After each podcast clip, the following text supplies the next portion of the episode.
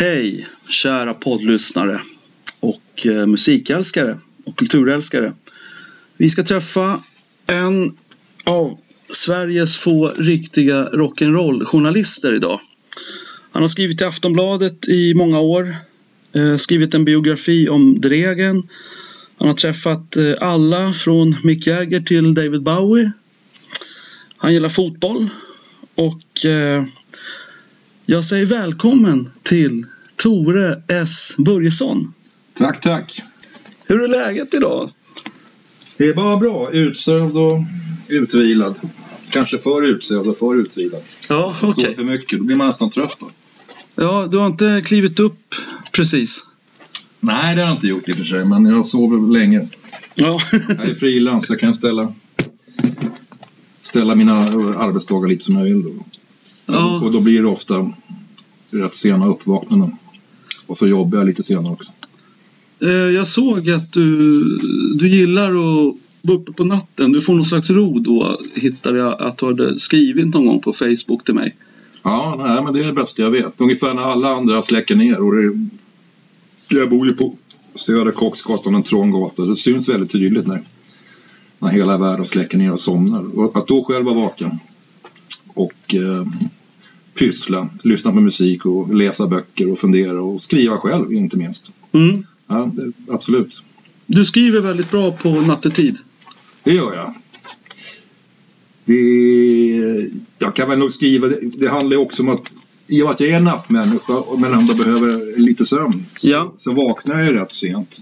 Så egentligen handlar det om att jag, jag rent allmänt trivs eh, på nätterna.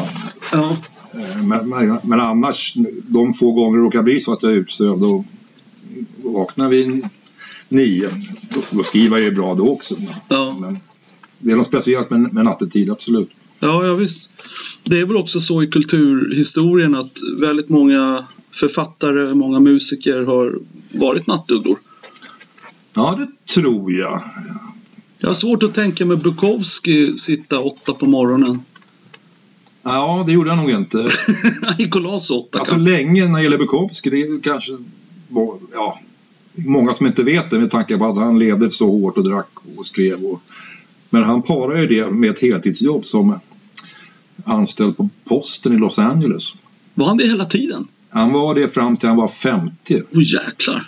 Så då var det ju så att han gick dit och jobbade, delade ut post tror jag. Eller sorterade post framför allt. Just det. Och sen så gick han hem och skrev och drack. Och sen vaknade han och risig och men pallade sig iväg till det där jobbet för han, han kunde inte leva på sitt skrivande. Nej, nej. Sen, eh, om vi ska prata med honom då, så var det någon som gillade honom, en förläggare så mycket, så han sa det att eh, jag chansar på dig, du får vad han nu fick, några hundra dollar i månaden, garanterat, oavsett vad vad han gjorde. Va? Men så i gengäld upp det från posten och satsade allt på skrivandet. Men då har du den garantisumman som då täckte mat, och bira och Ja. billig whisky och, och sådär. Va? Jaha, vilket Och då- erbjudande. Ja, men det levde han upp till för det var ju då han verkligen slog igenom. Ja. Alltså han slog igenom efter han var 50. Han har ju skrivit hela tiden. Men... Ja. Refuserad. Innan.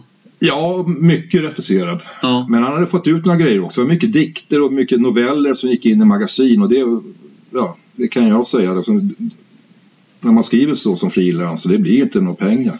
Nej, nej. Men det blir jävligt kul. Men, men då tror jag första boken, den heter Postverket. Ja, det gör det ja. Ja, ja då breakade han med den. Eh, bre- Ja, Ja, han blev omtalad. tillräckligt, Ja. tillräckligt kunde leva på det. Sen fick han en jättestor publik, framförallt i Europa. Ja. Så han hade det ganska bra sen, i alla fall från 60-årsåldern och framåt. Ja, ja precis. Ja, här är en favoritförfattare till mig. Men Sen vet Alltså, jag en annan idol, Gunnar Eklöf, skrev ju på nätterna. Och, Ja, och, eh, och pratar vi musik så är det ju väldigt mycket. ja, ja precis. Inte alla, kanske inte... Jag vet inte hur ABBA gjorde, men de hade säkert vanliga arbetsdagar. Men Stones och sådana där, de droppade in någon gång efter midnatt.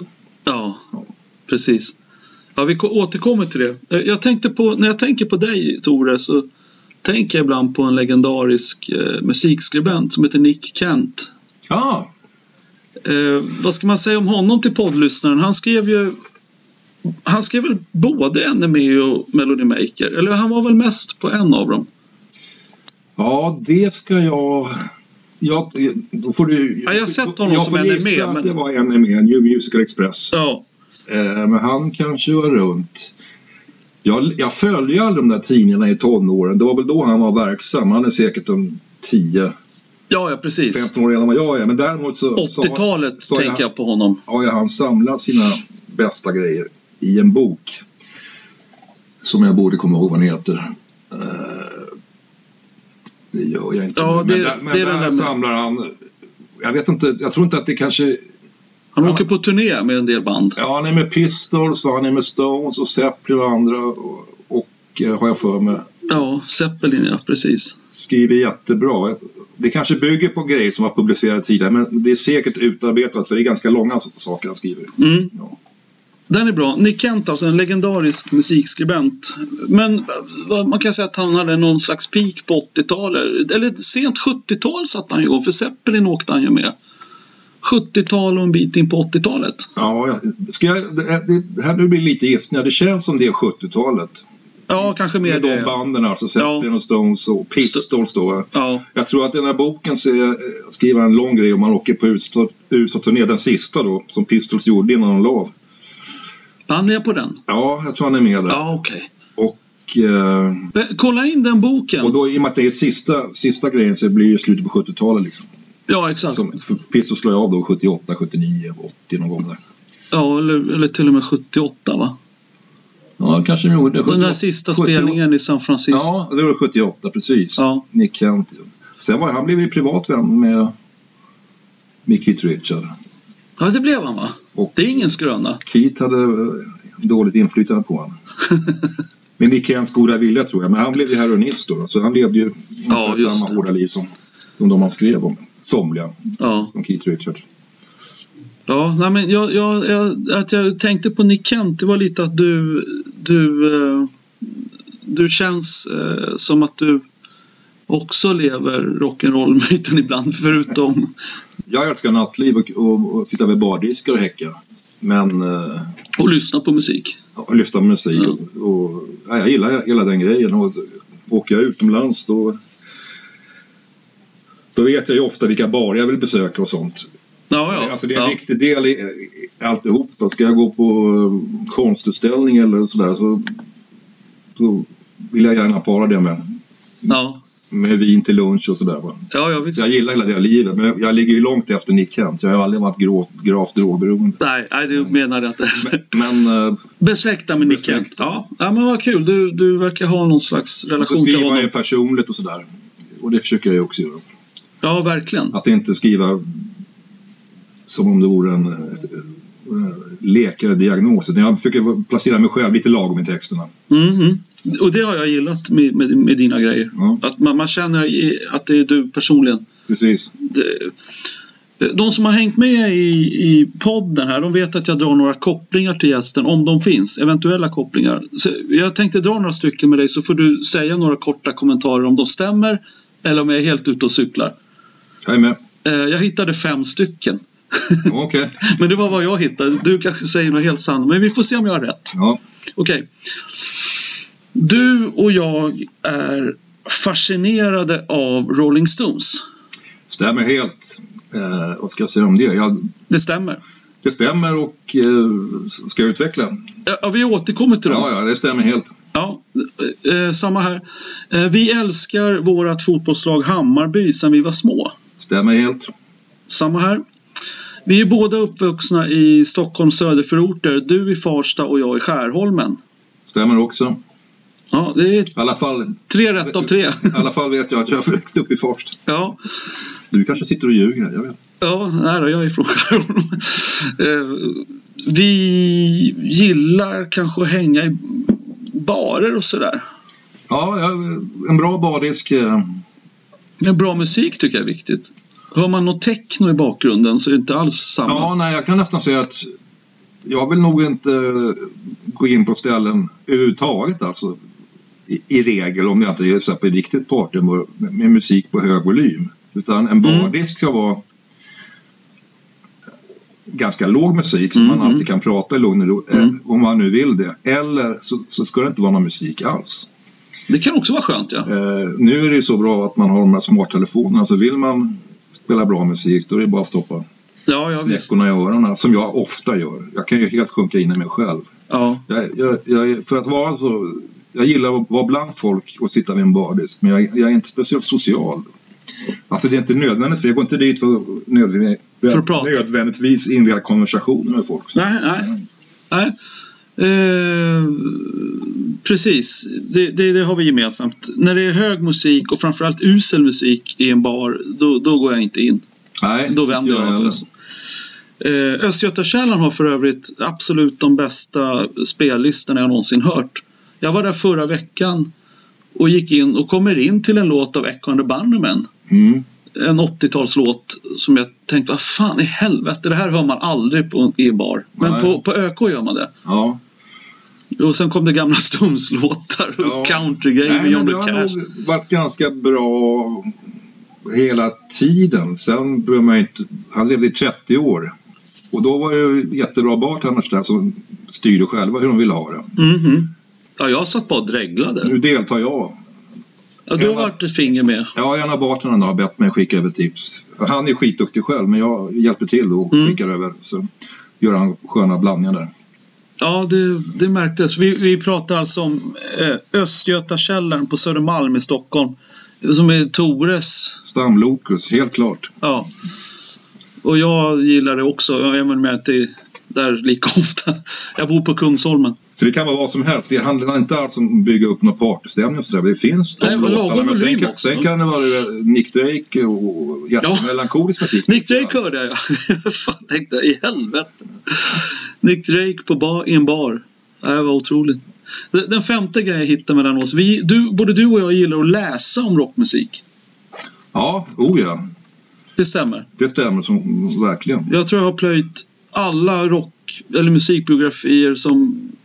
Ja, jag vet inte om jag har någon kvar ens. Men eh, det finns det säkert om jag letar. Jo, jo basisten i Blur släppte en bok.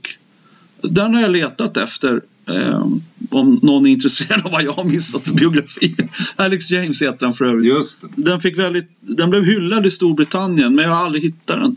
Jag tror inte den finns på svenska heller. Ja. Nej, men då är du värre, värre än jag. Alltså jag eh, läser jättegärna och har säkert läst långt, långt över vad genomsnittet har gjort vad gäller rockbiografier. Men jag måste verkligen Dels måste jag verkligen gilla artisten. Mm. Men sen måste jag också bli nyfiken på ja, på deras liv. va. Mm. Och det, ibland kan jag gilla artister men jag kan inte påstå att jag s- vill greppa biografin. Va?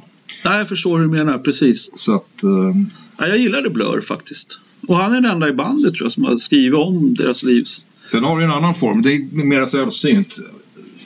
Men det finns ju framförallt då Idol som Bob Dylan. Där har du ju, bi- det är inte biografier utan det är ju liksom nästan akademiska verk med textanalyser och sånt. Mm, mm.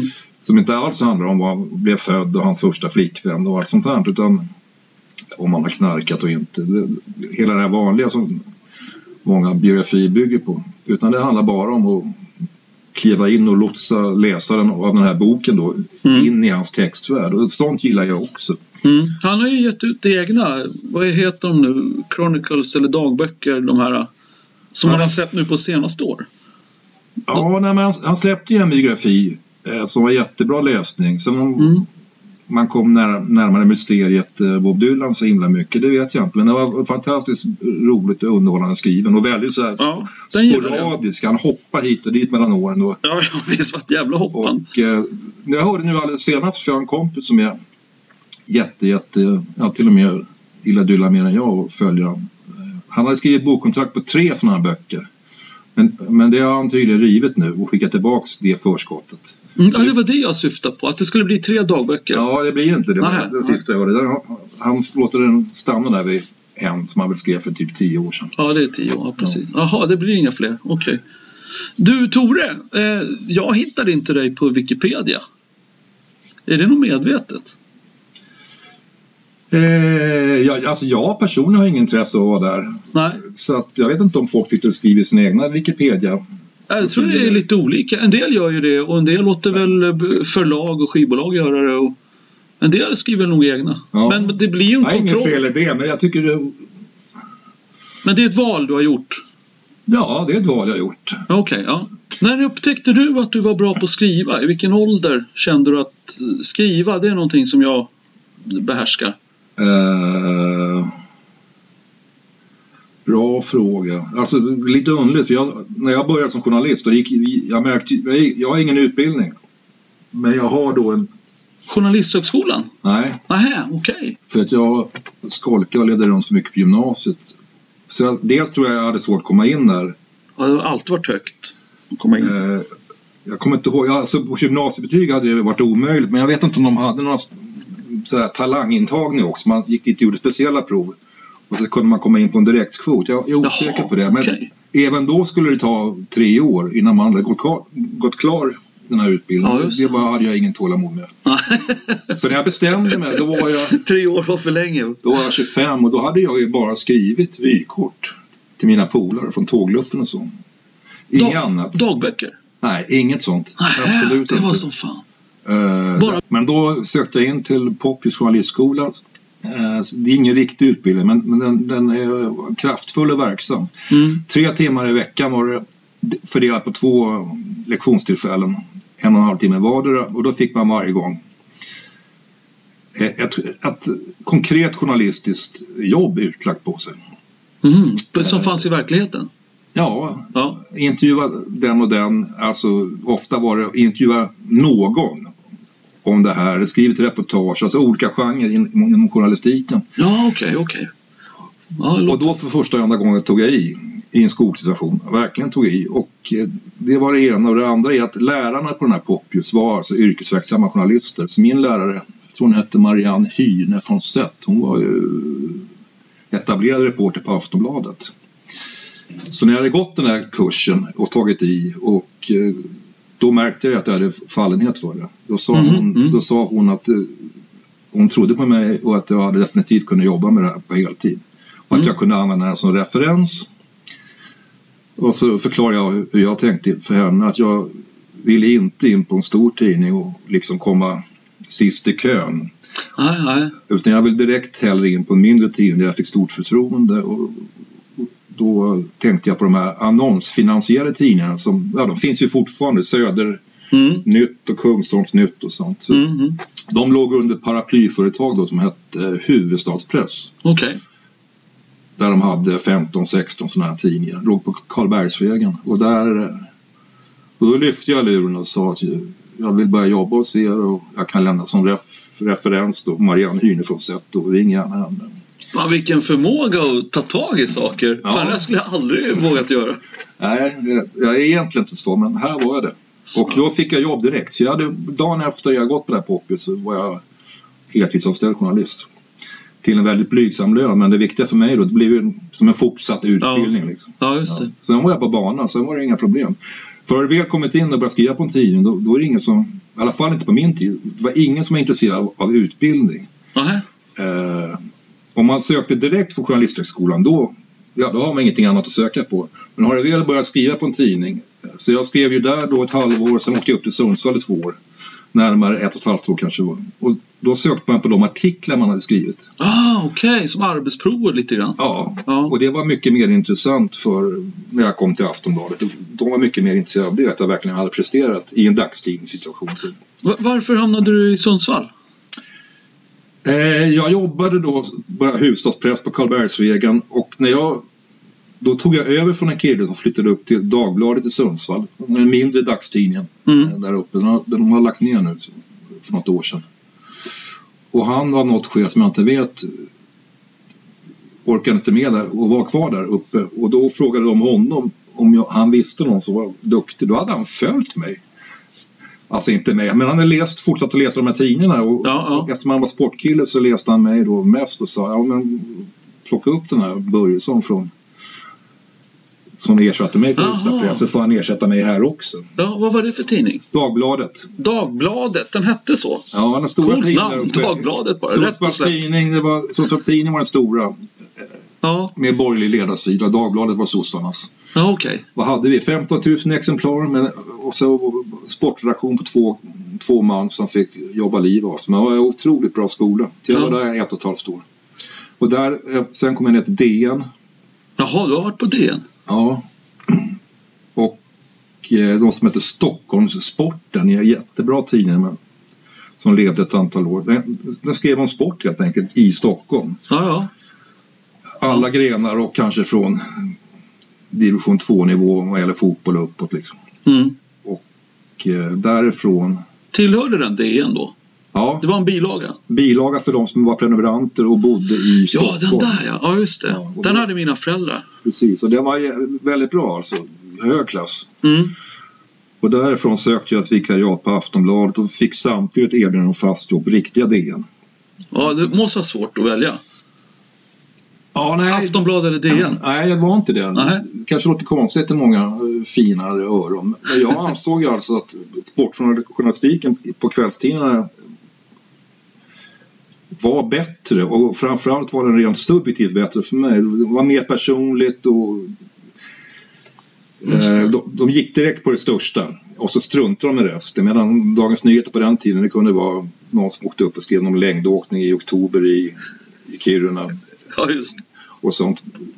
Så det var mer el- elittänk. Ja, jag förstår. Plus att jag gillar att skriva noggrant. Och då när jag jobbade på kvällstidningen så kunde du lämna alla kunde inte lämna då, men den sista liksom kunde ju lämna vid ja, kanske var tre på natten. Ja, Medan om du sk- då satt ute, jag tror elva var jag väl på DN och satt ut och, för DNs räkning och skrev en match som gick i Sundsvall. Då lä- var det lämning liksom kvart i nio och matchen var inte ens klar. och det, det där passade inte mig alls. nej. Men, men den här kopplingen, hur gick det med Aftonbladet eller Dagens Nyheter? Vad valde du där? Jag valde Aftonbladet för jag, ty- jag tyckte det var eh, Ja, dels gillar jag pressläggningstiderna, dels gill- gillar jag, gillar jag den typen av sportjournalistik som tänker ja, vad är det bästa Vad- och så struntar man i det andra. De, de hade inget DN hade nästan som ett pub- public service-ansvar på något sätt. Mhm. Självpåtaget. okej. Och- Men Aftonbladet var mer rakt på sak och bara det största skrev de om. Ja. ja, så du började med sport där? Ja, så Jag- jag skrev ju sport i tio år. Ja, det gjorde du ja. Men sen så har du, okej. Och sen gjorde jag då tvärtom. De flesta, det finns ju flera exempel på... Mats Olsson gjorde väl tvärtom va?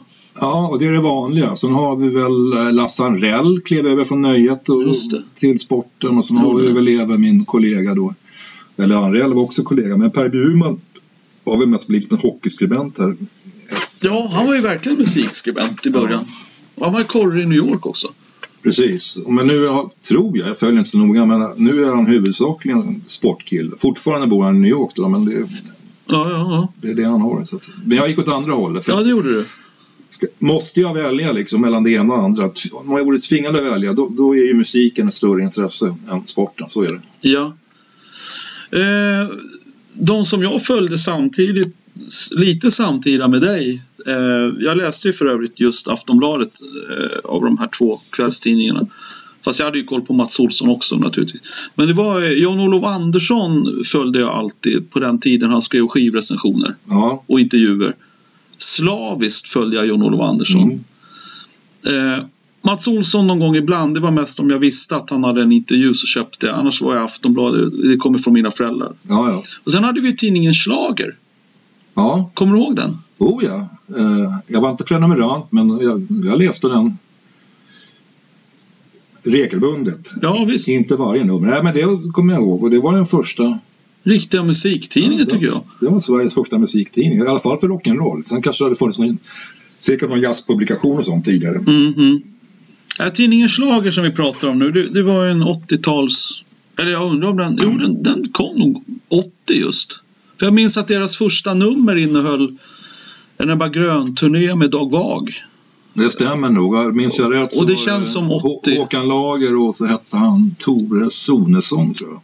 Exakt! De två låg bakom det där. Ja, den tidningen pratar jag och Tor om nu för den som undrar. Där skrev Jan Gradvall, Lars Nulin, Håkan Lager som du själv sa. Ja, Håkan Lager var var både boss och skrev mycket. Ja, Gradvall är jag osäker på. Jag är inte expert. Men jag vet att Gradvall började väl i alla fall på ex- Han skrev sina egna fanzine till att börja med. Ja, han Men började sen, så. sen var han väl över på Expressen och skrev en del. Som frilans kanske. Som frilans, ja. Ja. skulle jag tro. Men vad jag vill komma med i det här resonemanget är att det är inte så himla många som har varit... De här jag vill räkna upp gillar jag ju. Eh, Men det är inte så många som har varit sådär, eh, som har fängslat mig länge som, som du och, eller Jon-Olof Andersson som sen gick över till film för övrigt. Ja, Som man också, jag gillar ju film också men om man tar yngre generation, vi- man pratar om Fredrik Strage eller Anders Lokko. Men jag tycker de här eh, som jag räknade upp, det är en annan tyngd bakom på något sätt. ja okej. Va, vad tycker du? Nej, Jag kan inte ge mig in. Det jag kan säga är att jag läste väl noggrannare då i tonåren. Så att på det sättet. Jag menar tyngden i att jag satt alltså och klippte ut Ja, det- Jan-Olof Anderssons recensioner och Ja, satte in men i jag en tror att pärm det- det- och köpte skivor Precis. efter vad han skrev. Ja, nej, men jag var påverkad av alla de där. Nu får jag väl säga då, att jag ska vara ärlig, så, så upplevde väl jag ändå som Expressens popsida var lite piggare på den tiden. Var det Mats Olsson mest? Mats Olsson och vad vad var det med? Ja, Gradvall tittade väl in där, Erik Hörnfeldt. Hörnfeldt ja, just. Men jag vet inte, den- jag tycker att den var lite... Det kan ju vara så enkelt att, att den låg li, lite närmare min smak. Alltså att Mats Olssons smak låg lite närmare min. Än, Mm. än vad... Men alla de där var ju stora. Men jag tror, att det, jag tror inte att det beror på att de var liksom Nej, helt klart bättre än de som följde. Utan jag tror att, ja, i alla fall för mig, så man läste då när man själv var 14-15. De gjorde ett annat intryck ja. Du, än, du har än- nog än rätt. vad de som är liksom några år yngre än mig som Locko är. Och de. Men alltså Locko har jag ju levt sporadiskt hit och dit och han är ju alltid bra, Mm. tycker jag också. Eh, ja, precis, eh, det, det handlar väl mycket om Men jag, musik. började, jag läste konstigt där, för när jag själv började som heltidsskrivande då, då började jag läsa mindre av andra. Jag var så Jaha. upptagen av det jag skrev själv. Ja. Och sen är du ändå inne i tidningsvärlden så du vet allting vad som händer och är på gång. Men jag, jag blev mer slöare ti- tidningsläsare när jag själv började skriva. Ja, Konstigt. ja, men Eller det, det är inte så konstigt, jag tror att det är ganska ja typiskt. Ja. Och tyvärr är rent det... allmänt började jag läsa mindre. För jag ju- var ju helt, Jag sa att jag aldrig har skrivit mer än ett vykort innan jag bör- blev heltidsjournalist och, och det är ju helt sant. Men jag hade ju läst, jag var ju väldigt så här, bokslukare. Ja, ja, det måste du ha gjort ja. Så jag, jag kände ju där när jag läste att Där kan jag göra bättre själv. ja, det, ja, det här kan jag i alla fall göra bra. Jag tror, det, och det är lite speciellt för när det gäller ord så Ja. kan man ju tänka så förhoppningsvis har man rätt. Man kan inte tänka likadant när man ser någon göra Nej, en kirurg utför en operation eller, nej, någonting. nej. nej. eller inte ens musik. Va? Man kan inte översätta det. Men, men här kunde man ju spinna iväg vidare och bli inspirerad av en bok och försvinna i någon dagdröm och känna att man hade det flyt i skallen. Liksom. Ja, ja, det där känner jag också igen. Eh, Jag tänkte prata lite om gränsen mellan journalistik och ljudböcker. Eh, Det går ju, du har ju gett ut flera böcker de senaste åren, biografier. ja nu ska vi se. En om Dregen, rock'n'roll. Sen har det blivit sport då. då av en, Kenta och Billy. Kent och Billy Olsson i Hammarby, Ronny Hellström i Hammarby. Sen var jag, skrev jag det mesta av det nya materialet så att säga, som inte var statistik i Hammarbys hundraårsbok. Ja, just det, den, är- den är du med Jag i. bidrog väl där med tio långa intervjuer. Mats Thelin. Och Mats Thelin, ja. Så vi hamnar väl då på, ja, räknar jag rätt nu, fem böcker. F- Fyra egna och eh, en där jag var högsta grad bidragande. Ja.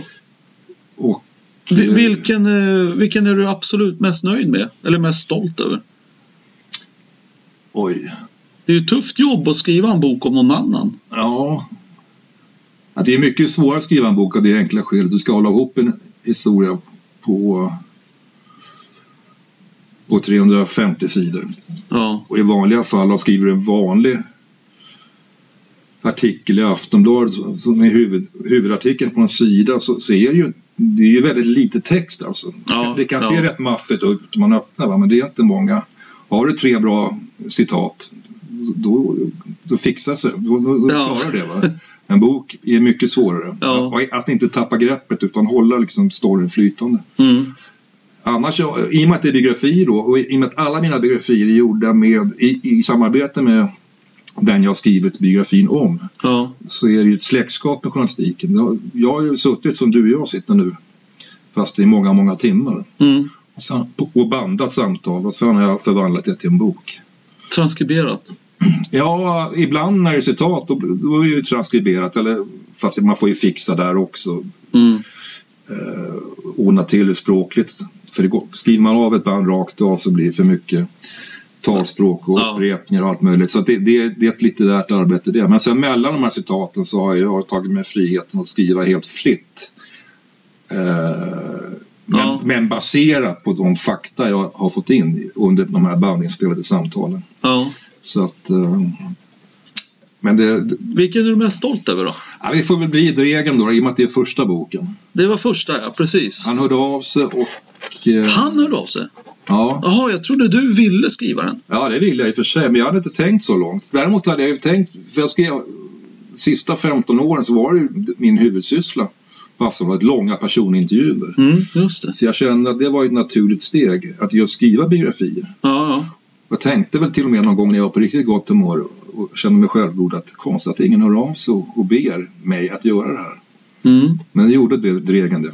mm, mm. Via sin eh, agent, då ska man säga. Men Dregen Mm. hade ju pratat med honom innan. Ja, jag förstår. Ja, den, den är du mest stolt över. Den, den är ganska rolig bitvis. Eh, Det var viktigt också för den första. Så, då, ja, det, det här med att få in den första foten. För sen gick eh, Mats Murran Thulin och skulle ha någon att hjälpa honom att skriva boken och då köpte han boken om sig själv. Alltså. ja, Och medan han funderade på det så gick han och köpte Dregen-boken bara sådär och, och gillade vad han läste och så hörde han av sig till mig. Alltså. jag förstår. Det är dominoeffekten hela tiden. Ja, ja visst. Eh, vad eh, blev den Dregen? Jag tänkte på Backyard Babies där. Blev den släppt, översatt och kom ut i andra länder? För, för Backyard Babies var ju runt och turnerade som fasen. Ja, Eller är Eh. fortfarande. De har ju återuppstått nu igen. det blev, den blev översatt till finska. Varenda landet. Ja, jag hade nog väntat med kanske en engelsk översättning också, men den blev aldrig av. Aha, nej, det var som fan. Jag vet ju Men inte. jag var ju, alltså, Dregen har ju både Backyard Babies plus Hellacopters, mm. som jag personligen då tycker är lite vassare. Men den Och sen översattes till var, finska. var han Alltså. då i, i full färd. Ja, han är stor där i Finland. Mm. Kan jag förklara varför också, delvis. Han spelar med Michael Monroe Exakt. från Hanoi. Det var det han höll på med då, samtidigt som jag gjorde som jag skrev självbiografin. Ah, okej. Det var just då ja. Men sen har han varit där och turnerat massor med Backyard Babies så han har ju sin publik där ändå. Okej, ja. Du, jag tänkte på det här. Krönikor och frilansartiklar från Tore Ja, S Börjesson. ja. Det ser inte jag så himla mycket. Antingen missar jag dem eller så gör du inte det. Du Nej, men lägger jag- kraft på böcker istället. Första åren då, jag jag har varit frilans sedan 2012. Ja, Då gjorde jag mycket eh, frilansjobb. Skrev, Ja, okej. skrev längre intervjuer för tidningen Vi och, ja just det. Du för jag inte läser den tidningen som jag missade. Okej. Och- eh, vad var det mer? ICA-Kuriren, Damernas Värld och allt möjligt. Men det, det som hände då är att jag gjorde ju samma sak som jag gjorde på Aftonbladet. Jag, så när jag fick chansen att börja skriva böcker då, då har jag försökt koncentrera mig på det. Ja, jag det, förstår. Det, det, blir, det känns nyare och mera... Det är roligare helt enkelt. Ja. Ja. Okej. Ja, det förklarar ju saken. För jag skulle ju... Jag tror många... Men jag har ju börjat nu. Alltså jag är krönikör på ett- magasinet Vin och bar. Jaha, okej. Så det är jag, i- det är jag just nu. Ja, då, det är, vin, en, är det ett magasin. Ja, det är ett magasin som inte jag har följt genom åren. Men magasinet Vin och bar, så det är allt från fina viner och tips. Och tips på restauranger och krogar både i Sverige och utlandet. Och, Mm. och där är jag krönikör. då. För att jag tror många som gillar dina, ditt skrivande skulle tycka det var kul att ha en krö... En fast, nu har du ju det i Ja, jag vin och har det. bar. Är det en gång i veckan då? Nej, det är det som är lite det är jättekul jobb alltså, men den kommer att vara ut sex gånger om året. Ja, Ja, det är ju lika kul för det, men det hade varit roligare om den kom ut oftare in, för min inkomst skull. ja. ja men, vi- precis. Eh, En rolig eh, nöjes eller musikkrönika varje vecka i i något stort forum. Det tror jag många skulle uppskatta. Ja, ja, jag. Det är bara att höra av sig. Jag ställer upp. Jag tror att det rent allmänt är ju tidningsvärlden, vad jag förstår, i rätt krisig. Eh, Ja, nu kostar det ju pengar att läsa tidningar på nätet också, men det är ju inte så konstigt. Nej, tar det, de här kan, man- det måste de göra, men Ja. det är inga stora pengar. Jag- Nej, det är de är ju väldigt försiktiga med att dra in frilansare överhuvudtaget. Och många av de här större tidningarna som du efterlyser, då, en krönika av Meijer, de har ju fast anställda. Och då lägger man ju ut det på dem Ja. istället för att hyra ut någon utom, utanför. Skulle Skulle- jag tänka mig. Ja, men du skulle inte kunna ha en sponsrad eh, blogg? Det ska jag kunna tänka. Jag är jättedålig Så du får in entreprenör. Eh, Är du? Eh, Ja, urdålig. Men det skulle man kunna fundera på. Ja, eh, Jag skriver mycket på Facebook och det är mycket där är ju krönikor. Alltså. ja, jag men, det, det, det är det jag vill komma Och till, men det många är ju har hört helt av sig. ideellt. Du får inga pengar för Facebook antar jag. Gör det här till en bok och det är jättemånga fina människor som hör av sig, berömmer och skulle vilja se det liksom. Så att det, jag. Jag brukar skriva det när du är som bäst på Facebook. ja, Eh, Släpp en bok, brukar jag skriva. ja. Nej, det är dumt att jag inte... Jag borde försöka Alltså, ni- hitta, hitta något sätt att... Det är många som menar på att man kan samla ihop de där, de bästa och lägga ut dem i en- Ja! Nove- en novellsamling kanske? ja, det skulle bli... Korta noveller? Ja, ibland noveller kan man väl kalla det för. Men ibland är det ju mera som musikkrönikor och roliga historier. Ja, nej, de är ju lysande. Jag tycker det är så synd att det bara är dina vänner på Facebook som tar del av dem. Ja, men de är många. Och så har jag märkt att det är många som... Jag är ju så här, närmare 5000 där. Ja, du har så många. Och sen Okej. har jag märkt bevisningen att det är må- rätt mycket folk som är inne och läser som inte är mina vänner. De får jättegärna läsa för det är en öppen Facebook-sida. Ja, Vem som ja, helst kan gå okej. in. Ja, ja, okej. Så att det har ju sin spridning det där ändå. Eh, Jo, det har du. 5000 plus de som också går in. och sen alla de 5000 har vänner och Ja, Jag tror det funkar så. Om man, om Ja, man ja, visst. gillar med, då går det vidare så att alla kan läsa. Det. ja visst. Nej, men du, du har ju din... Men Som, som sagt, det, det vore ju bra om man kunde få in några kronor på det där också. Men det, är- jag, jag tänker, anledningen till att jag håller på med det, dels att det är en övning, det är ungefär som en gitarrist tar upp sin gitarr och lirar på den. Så Facebook har blivit lite ja, för det. hålla igång pennan. Och sen har det lett till lite roliga grejer. Jag har, jag har, varit, det- det har varit med i två konstböcker också. Varit Jaha. redaktör för och, och deltagit i. Och, eh, då är den kontakten med den konstnären, Ja, eh, det är ju en direkt Facebook-grej. Liksom. Så det jaha. händer ju saker. Det, det, det är bra att synas där. Ja, ja visst. Eh, ja, nej, men jag ser, man, man vill ha mer. Det är väl den mänsklighetens... att när man läser en mini-novell av dig, Ja, eh, eller historia eller vad man ska kalla det, som du lägger ut och så känner man att det är så fruktansvärt bra. Ofta roligt också. ja, Och och sen vill man att man vill gå och köpa en hel novellsamling med dina bästa. Men det är väl så mänskligheten fungerar. Att Ja. Nej, men jag är gillar man jätteglad något vill för man det. ha mer. Jag är jätteglad. Jag är, men jag är självkritisk också. Inte, jag tycker väl att det skulle hålla, absolut. Jag menar, de sista sex forum på Aftonbladet, då hade jag, förutom de här långa personintervjuerna, hade jag två egna sidor. En krönika Ja, just och så det. var det musiktips och grejer. Eh, Och det jag skriver på Facebook, när jag tar i lite, det är ju precis... Alltså jag fick jättemycket läsarkontakter då, folk som gillar det. Och det jag skriver på Jaha. Facebook är... Ja, det är ju lika bra, eller ofta bättre liksom. Ja. Bara att det är gratis. Ja, precis. Det är ju det. För, det, för dig, Men, du men skulle- däremot så undrar jag liksom, om man då flyttar över här bak- mellan två bokpärmar och tar en 200 eller sådär 250 spänn för då, då vet man inte om... Jag är lite osäker på det om, om publiken skulle följa med och lägga upp de här pengarna. Ah, du menar så. Ja, Med rätt marknadsföring. ja. Ett bra Kanske. förlag. Nej, vi, har, jag, har- vi har fört diskussioner, jag och lite folk, om, om att göra det. Men Men det där är ju bok, alltså en, en blogg som är sponsrad. Eh, Så, ja, alltså, det vore nästan lättare. För d- där är det ju fa- massor av skräpbloggar som tjänar pengar. Ja. Pernilla Wahlgren och Ja, ja, ja. Bianca Ingrosso. ja okej. Ja, Jag får tänka på det. Ja, nej men det, man, blir, man vill ha mer. Men, det, är så kom vi ju funkar. Nu, eh, jag nämnde att jag var med, redaktör och medverkade i två konstböcker. Och det, de bygger på att först skriver jag själv men sen är det andra skribenter och alla får liksom en tavla Mhm. och spinna loss kring. En duktig konstnär. Just nu är han med på Vårsalongen. Han heter Per Sonerud. Ja, var inte du... Han, Du han, ville ha med Stig Larsson på något hörn. Precis. Han tackar tyvärr artigt nej. Men eh, Ja. i, i den här boken som kommer nu här till hösten det, då är Johan Johansson från KCMB med. Nej. Stefan, det sant? Ja, Stefan Sundström, eh, vad kan man säga, Peter Lemark och flera andra är med. Så att det kommer bli, alla har fått en tavla. Och, ja, just Och det. jag har tagit hand om en fantastisk målning på Keith Richards. Mm. Så det är den andra boken på, på samma tema. Olja och ord heter den. Okej, när släpps den? Den ska släppas eh, till höst, ungefär eh, skiftet september-oktober är planet. Det är, vad heter det? eh, Bokmässan i Göteborg. Okej. Kommer ditt namn... eh, Alltså hur, hur ser man att, att du är inblandad i boken? Ja, men där blir det nog konstnären, Olja och ord, Per Sonerud och sen plus ett antal skribenter. Ja, okej. Ja, Sen, sen jag får man förstår. vända för att se vilka som, som är med. Ja, Men jag jag eh, sitter ju som spindeln i nätet där lite grann. Då.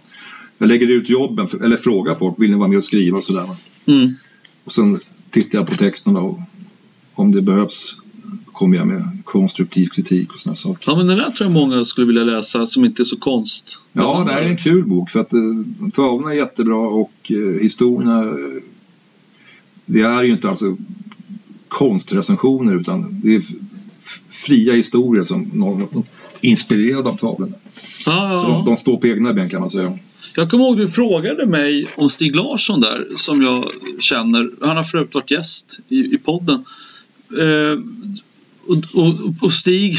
Nej, men jag, la, la, jag sa ju grundupplägget som alla får. Du, du, du får tavlan du skriver om som är värd till kanske, vad ska man säga, 5000. Och så får du en sjujävla releasefest och sen får vi se var, var vi hamnar. Eh, Ja, okej, det var så. Okej. Men, men när jag då fick Ja, jag ska ett inte art- när skvallra jag, så mycket. när jag fick ett artigt nej så sa jag det. Men, ja, tack, då tackade han artigt nej en gång till. Liksom. Ja. Han- Han ville väl ha garantipengar direkt. Ja. Ja, Men nej, det kommer kanske en bok till också. Även, eh, jag var ju över här i höstas i Nashville, New Orleans, eh, Austin och eh, Memphis. men du var där länge såg jag på En månad. Facebook. Ja. ihop med den här konstnären Per Sonerud och ytterligare en konstnär som heter Jens Ahlbom. Och vi ska försöka få ihop det där till en personligt skriven eh, resebok helt enkelt. ja. Jag står för texten och, och de står för teckningar och målningar. Och, Alltså du, du skrev mycket under resan. ja, hela tiden. Ja, ja. ja, jag följde dina inlägg där. Det var ju verkligen så här musikhistoria. Ja, Nu är jag i en bar i Memphis. och Väldigt bra. precis. Ja, Och där kommer, de kommer ut, alltså det jag lämnade då på Facebook det kommer utgöra grunden för mina grejer. Mhm. ja amerikanska södern, kan man kalla det för det? Ja, absolut. Alltså Memphis och Nashville ligger ju i Tennessee i södern och Texas är i södern, Austin Det var en inspirerande Och sen resa. New Orleans, Louisiana. Ja, alltså det kan jag ju säga. Jag älskar man musik eh, av, av mera rotslag. Alltså rotig musik, blues, country, rhythm and blues, soul. Då är det här, det är ju fyra av världens musikaliska huvudstäder. Ja. Och det präglar ju alltså dessa städer. Jo, så är det. Både på museer, berömda konsertlokaler och deras partygator då i varje stad. Så Alla de här städerna hade ju det. Eh, Då är det musik, musik, musik och då är det liveband på ställe efter ställe. Liksom. Ja, jag måste ju dit alltså. Ja, helt fantastiskt. Nashville vill Och jag man säga. Jag blir gillar nästan country. skrämd över den höga nivån. Ja. För att... eh, Mördande konkurrens. Ja, verkligen. Ja. Alltså. Ja, Jag måste åka dit. Jag blev inspirerad av din resa där. Nashville måste ha varit häftigt. Ja, allt. Allt. Ja. Alla dessa ställen var fantastiskt. Jag vet inte vem. Jag... det är Svårt att ranka Ja. vem som är mest. Men ska man, Alltihopa sammantaget. Men jag- Memphis kanske. De har ju både bluesen med B.B. King och de har Elvis naturligtvis. Och hela rockabilly och, och sen har de ju soulen med Stax Ja, just och det. Otis Redding. Det, det- där är det smältdegen mellan, mellan afroamerikanska USA och det vita USA. Eh, Vi pratade lite innan här om hur många intervjuer du har gjort. Eh, Ett antal. Eh, Det är så många så att det, det går väl knappt att... Men det kan väl, vara- du kan väl kanske ha gjort... Kan du, va- har du passerat tusenstrecket tror du? Ja, jag tror det. Nu ser jag, åt- 95, 2005, 2015. 33 år som journalist. De, ja, nu går jag över till böcker sista två, men säg, säg 30 år då. Eh, och även om man inte gör intervjuer varje dag så är det ju inte långt ifrån. Så, Nej. nej. Framförallt under...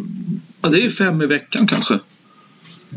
Ja, nu gick jag ju över alltså redan, jag, för jag ville ju skriva längre så jag redan när jag var på Astmas nöje så förs- gick jag medvetet över till en fredagsbilaga som hette Puls.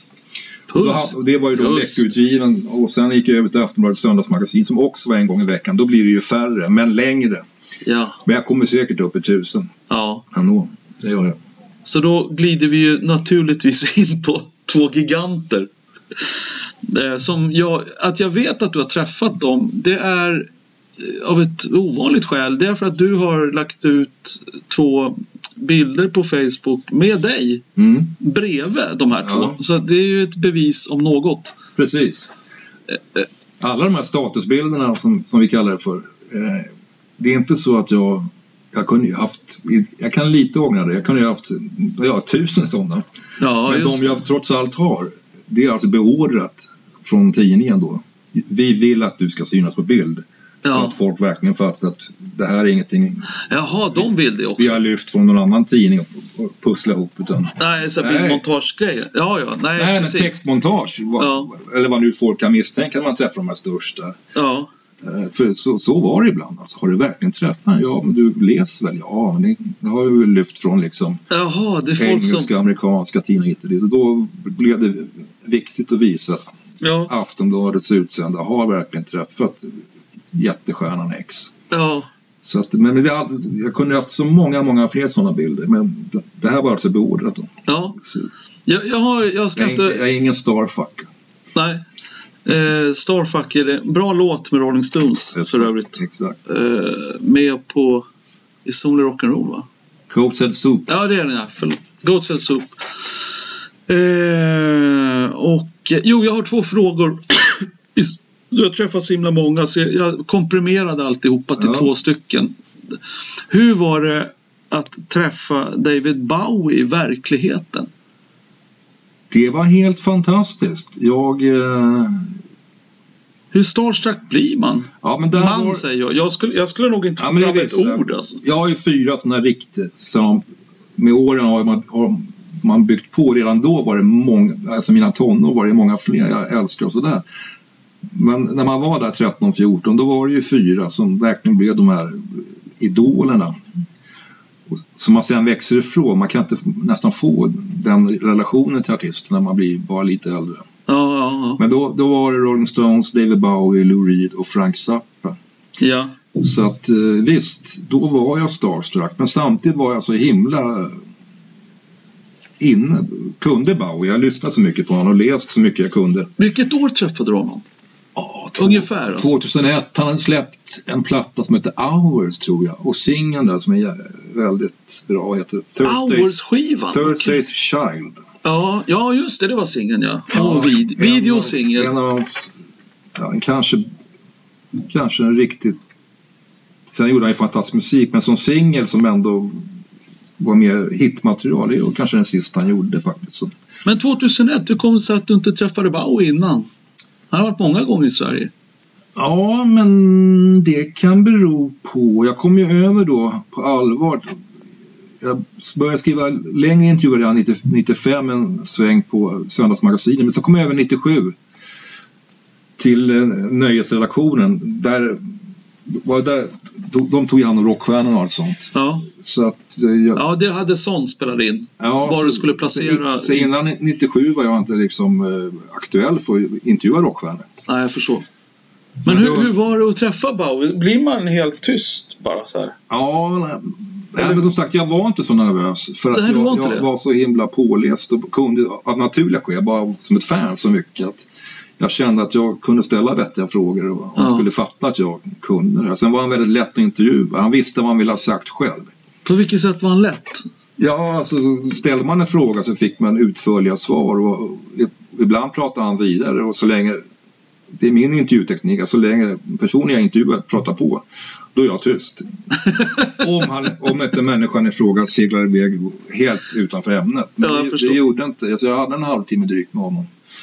Nej, det var väldigt lätt. Jag var väldigt trött faktiskt. Ganska rejält bakis också. Ja, Och det kan, det kan vara en hjälp. ja, ja. För att man, då, då orkar man inte ens vara nervös. Men det, det gick hur bra som helst. Min- Minns du någonting som David Bowie kläckte ur sig under intervjun som du kommer ihåg? Ja, men jag minns det här för jag... Han ville ju sälja en skiva såklart. Det är därför Ja, ni nej, träffas. men jag, det som slog mig då... Han levde ju väldigt, väldigt hårt på, på kokain under en period.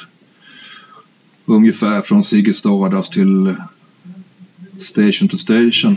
En, två, tre, fyra, fem skivor där. Mm. I Berlin höll han på också. Ja, Ja, den men- spelade han ju in. Jag tror att när han drog till Berlin, det var väl då han började lugna, lugna ner sig. Det kanske det var. Han åkte dit med Iggy Pop.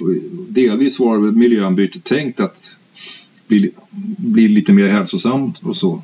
Mm. Eh, Och då var ju min fråga att det, det var ju naturligtvis inte bra att han knarkade så hårt och sådär men, men eh, lik förbannat så menar jag ju att han gjorde sin bästa, mus- bästa musik då. Ja, det tycker jag också faktiskt. Men det Eh. vågar du inte säga. Jo, jo, jag sa ju det och det höll han med om. Till min stora glädje. Men han sa då att eh, jag mår hellre så bra som jag gör nu och gör sämre musik än att må så jävligt som jag gjorde då på slutet när det var som värst. Mhm. Och, och gör bra musik.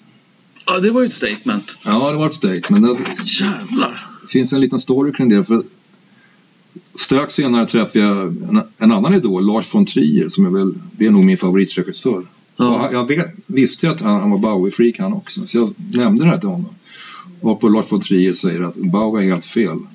Ha- Hans plikt mot konsten är inte att må bra, utan det är att göra liksom bra konst. Ah, ja, intressant! Så han- han menar på att... Lars von Trier är ingen dumskalle.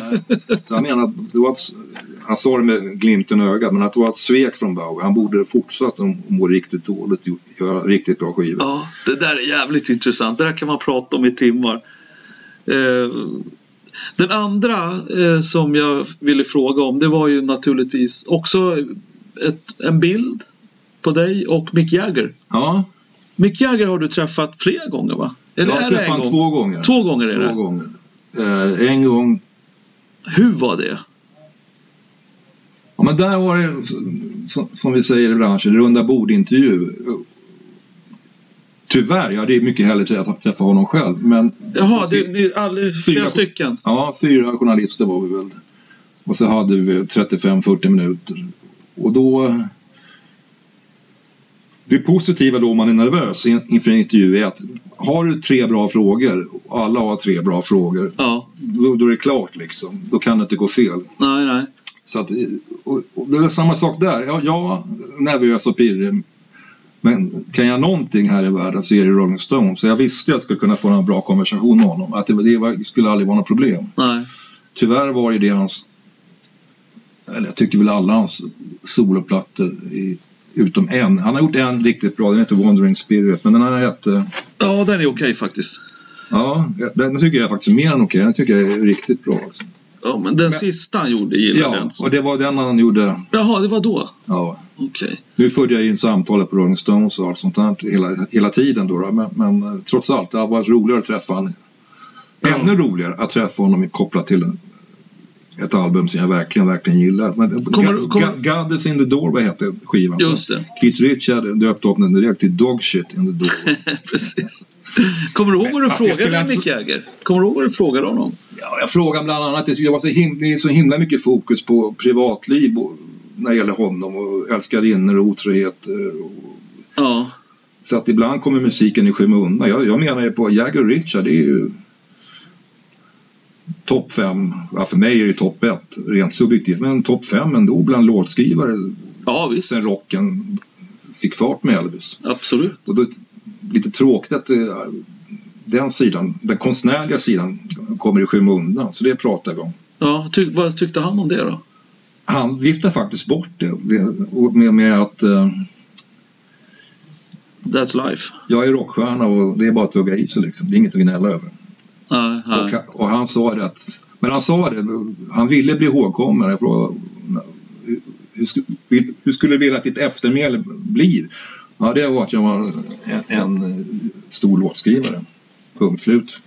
Okej. Och sen så frågade jag det här om att, alltså alla låtar går ju under beteckningen skrivna av Jagger och Richards. Ja, det gör Men så de. funkar det ju inte i verkligen. Ofta, framförallt under de första tio åren, gjorde det gjorde det ju det, men de skrev ju också var för sig. Ja, visst. Men sen var det en deal att vad vi än gör så är det Jagger Richards. Ja. Så frågade jag om, om man kunde nämna några låtar som, som verkligen är hans. som är stora. Då Ja, nämnde det var han en tuff fråga. Ja. Vilka låtar är dina? sy- ja, de stora då som verkligen är ja, givna i varenda setlista. Alltså, Sympati for the Devil är helt och hållet Mick Jagger då. då. Åh fan, det hade jag aldrig tänkt. Sen arrangemanget och det, hur de bygger upp den här låten eh, så att den låter som den slutligen leds. För den börjar som ballad. Men alltså, melodin och, och texten, det är 100% Jagger. Okej. Och även då lite mer överraskande tycker jag, Brown Sugar är helt och hållet Ja, Jagger. det skrev Keith också i sin bok. Ja, Och det ja. förvånade mig att han var så Precis. öppen med det. Den känns som en Keith-dänga annars. Sen, Brown Sugar. eh, menar jag, vad ska jag fråga mer om? Nej, men jag frågar om det här liksom eh, också. Jagger har ju ryktet om den nitiska, pålitliga affärsmannatypen och, och ser Jagger, eh, så Keith Richards, konstnärsbohemen och Ja, just, ja. om det där överensstämde med verkligheten och det sa han, det gör ju inte liksom. Det, men det passar journalister, de vill ha en svartvit ja. verklighet. Vil- Vilket är det som inte stämmer då menar han? Nej, han menar väl helt enkelt att han själv var eh, mera rock'n'roll och bohemisk och levde vilt med, Ja. Och Keith... med droger och allt sånt som Keith gjorde. Och och Keith var eh, faktiskt lite lugnare och mer ordentlig och hade koll på saker än- än vad folk trodde. liksom. Jaha, okej. Ja, Ja, det är intressant. Skillnaden mellan de två var inte så himla stor. Nej, nej. Vad heter det? Jag tror att den finns, helt säkert. Ja, i- jag har alltid trott Det är mycket ganska på det där. roligt om man är intresserad av sådana här. Lyssnar man på Jägers första soloskiva, She's the Boss hette den tror jag, kom 86. Ja, Och sen just det. något år efter kom Keith Richards första Talk It's Cheap och där hör man ju exakt alltså på något sätt Jagger och Richards olika temperament och hur de ser på musik och allting. Och Det, Ja. det finns en skillnad. Ja, ja visst. Eh, jag, tänk, jag tänkte Och man ta... hör att de behöver varandra. Ja, verkligen. Även om Keats skiva är fantastisk så ja, de, de klarar sig inte utan varandra. Om det ska bli riktigt, riktigt bra. Eh, Exakt, så är det ju med Stones. Det, det är väldigt tydligt just med dem. Eh, om man inte tycker så som jag och Tore så tycker jag man kan lyssna på Mick Jaggers soloplattor och Keiths soloskivor och höra att någonting fattas på båda, tycker jag. Ja. Eller, eller alltså på samtliga soloskivor. Eh, sen kan man gilla dem ändå. Det är ju en annan sak. Eh, Jag, jag har några snabbfrågor här. Eh, som, som bygger på några av dina tusen intervjuer. Eh, så att du kan ta några lite kort om varje så får vi se var vi hamnar. Vilken är den knäppaste person som du har intervjuat? Ja, det finns ju många som, det gör det. som har... Hur är man när man är knäpp? Då tänker jag allmänt skruvad i huvudet. Ja, men må- de- alla de här, framförallt musiker och sköna, de, de, de är ju eh, särpräglade, person, särpräglade personer Ja. och kan även vara i intervjusituationer. Men rakt av sådär eh, bisarra, det vet det sjutton om jag har någon riktigt bra anekdot. Det, Robbie Williams gav i alla fall sin intervju med mig ja eh, bara iförd kalsonger. okej. Det var lite... eh, Sa han varför han gjorde det? Ja, det var väl... Nej, det fanns ju egentligen inget bra skäl. Ingen annan än han hade gjort det. Men eh, rent praktiskt var det så att han var nere i Göteborg och gjorde ett tv-program. Så han bytte ju då scenkläder. Jaha, okej. Men varför han tog mot mig då i bara kalsonger, det, det var ju ändå hans val liksom. Okej, ja. Var, var han knäpp annars? I, Sen har i vi svar? Keith Richard 2003 som, ja det är bara sån här typisk han då, kommer in och gör en intervju. Och det, jag gjorde intervju faktiskt i, i en skola. Som då var stängd för helgen och han sätter sig under stor sån här rökförbud, skylt och tänder då en cigarett naturligtvis. Ja, George Michael var också en sån där, han har en jätteskandal då, han är, han är stött på, i en urino- urinoar, i en urinoar just det. offentlig i Los Angeles hade hade han stött på, på en annan man i förhoppning om att få sex och denna man var polis. Just det. Och sånt måste man ju fråga om. Det- Det är man ju tvungen till. Ja. Men- Men han var, hur, hur öppenhjärtig han var om det och helt avslappnad. Det var ju också en sån här grej som, som jag blev förbryllad på. Ja. Förvånad. Och Ja, glad att han var det. ja, Och svaret var att han helt enkelt var eh, bög ja, och att han gick igång på sex i just d- den situationen, okända och farligt och Ja, ja. offentligheten. han var väldigt öppen. Ja. Och han tyckte det var helt rimligt. Men däremot tyckte han det var helt orimligt att, att en polis skulle gå in och vara lockbete Ja, ja, un, under liksom arbetstid. Ja. Han tyckte de borde ha något bättre för sig. ja, För han gjorde ju ingen skada. Det var en vuxen man som stötte på en annan vuxen man. Och Det, det händer väl hela tiden. ja visst. Alltså, Det finns mycket fler. Liam Gallagher är ju naturligtvis en profil Ja. i alla skeden. Var han knäpp eller var han otrevligaste? För Nej, otrevligaste han var är ju nästa skittrevlig. Och Sen fråga. när jag träffade, jag träffade honom tre gånger tror jag. Och Han kände igen mig. Nej, han var, tre- mot mig var han trevlig. Och Sen är han ju jävligt kaxig och oförskämd. Men som journalist blir man ju bara glad över det. Så Ja, länge inte han är liksom är aggressiv mot mig. nej, nej. Nej, så att, eh, men han körde ju den här Muhammad Ali-skrytet. Kolla på mig, min frisyr, min Ja, jacka. ja. Jag är vackrast. Eh, vi- Jag har två frågor till angående de här konstiga grejerna. Vem har varit den otrevligaste du har träffat?